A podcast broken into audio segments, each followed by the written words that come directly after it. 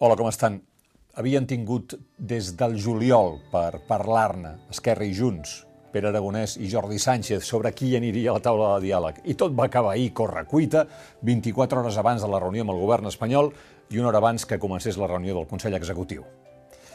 La setmana passada, el president Aragonès eh, va enviar un missatge a Jordi Sánchez per preguntar-li, amb un deix d'urgència i de desconfiança, eh, qui aniria a la taula de diàleg per part de Junts.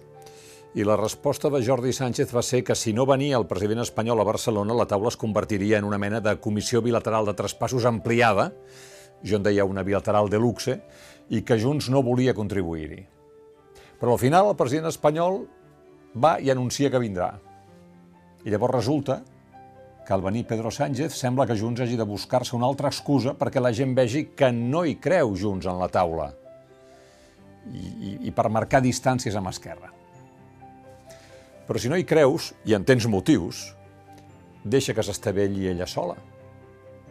Si creus que hi ha fracassat, constata-ho. I a més a més estigues a la reunió i explica-ho a la sortida.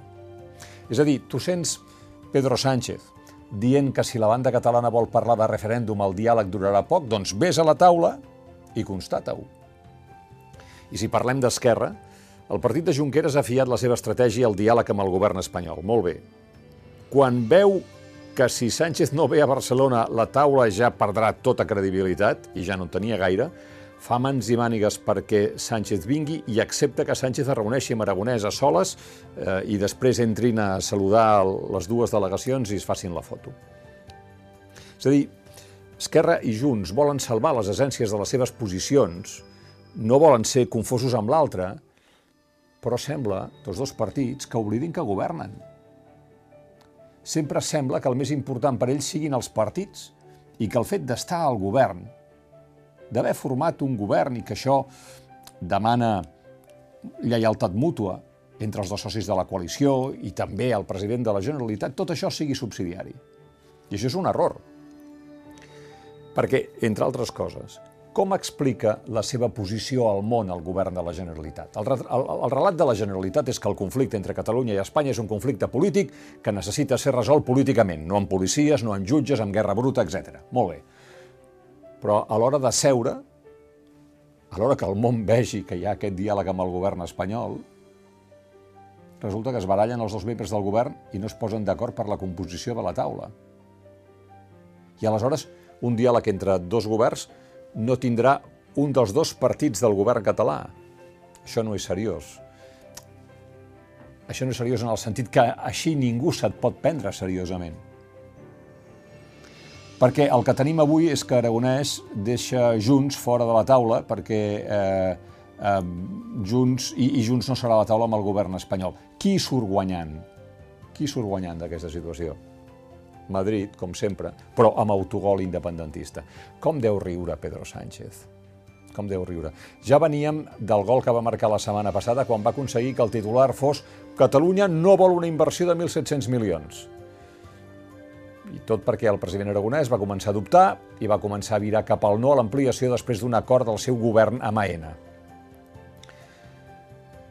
Pedro Sánchez va aconseguir tapar fins i tot que una vicepresidenta seva, Yolanda Díaz, vingués a Barcelona a fer-se la foto també a la Ricarda i a mostrar a tothom la divisió en el si del govern espanyol. Però Sánchez va surfejar aquesta onada.